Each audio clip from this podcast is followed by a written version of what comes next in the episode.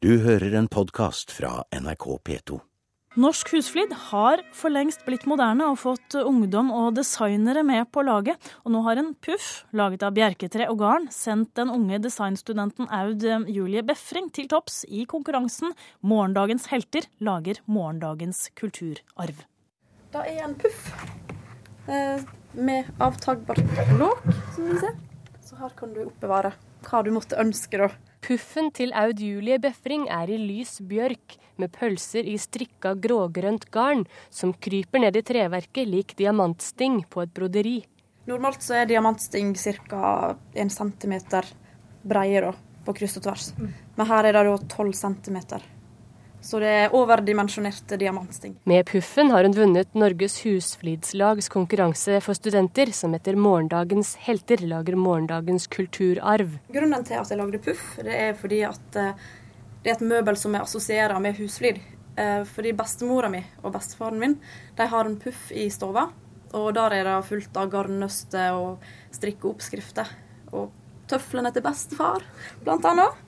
Så eh, det er et møbel da, som jeg assosierer veldig med, med husflid.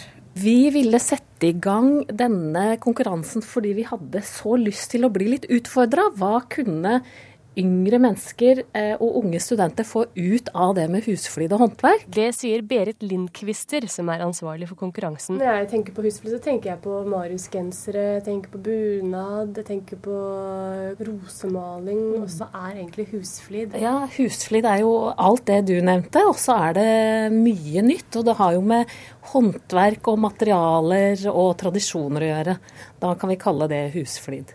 Er det et spesielt uttrykk som kjennetegner husflid òg, eller kan det være Det kan være veldig, veldig variert. Og du nevnte noen ting. Og så har studentene som vi har jobba med nå, de viser jo at husflid kan gis veldig mange forskjellige uttrykk.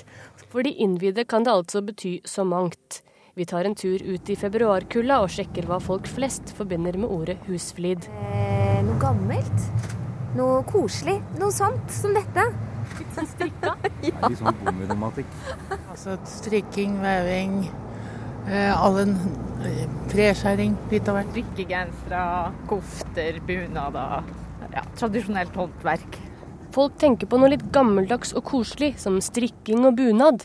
Ingen svarer at husflid, jo det er hobbyen min. Men Berit Lindquister i Norges husflidslag er ikke bekymret. Jeg tenker at der har vi en eh, jobb å gjøre. Eh, En del av disse fagene er jo blitt nedprioritert i skolen. Og Norges husflidslag vil jo veldig gjerne være med på å heve den kompetansen. Eh, Men jeg syns også at jeg legger merke til at når jeg har jobba nå med disse studentene, så er det kan hende at kompetansen er eh, noe lav, men interessen er høy. For hvordan vi så de kasta seg over denne oppgaven her, det var jo en stor glede for oss. Arne og Carlos sine julekuler og det populære nettstedet epla.no, der folk kan selge sine hjemmelagde håndarbeider, vitner også om en stor interesse blant folk. Julie og studievennene skal studere design videre, og kommer sikkert til å bruke elementer fra gamle håndverkstradisjoner i fremtidige prosjekter. Eh, Nei, jeg har alltid likt kultur og tradisjon og alt eh, gammelt. Jeg er veldig for at vi skal beholde tradisjoner og ikke glemme ting. Men når den har vært på utstilling, skal du ha den hjemme i stua da, eller? Eh, akkurat nå så bor jeg på en eh, 16 kvadratmeters hybel, så jeg tror kanskje jeg må eh, sette den vekk. Kanskje i kjelleren. Eventuelt så kan Besta få den. For eh, det er jo hun som er grunnen til at jeg i hele tatt lagde en puff. Ja, Det var en liten hilsen Besta, eh, til Besta fra Aud Julie Befring, som vår reporter Ina Strøm hadde møtt. Og I morgen så åpner utstillingen på Hadeland Glassverk, hvor man kan se alle bidragene til denne konkurransen. Du har hørt en podkast fra NRK P2.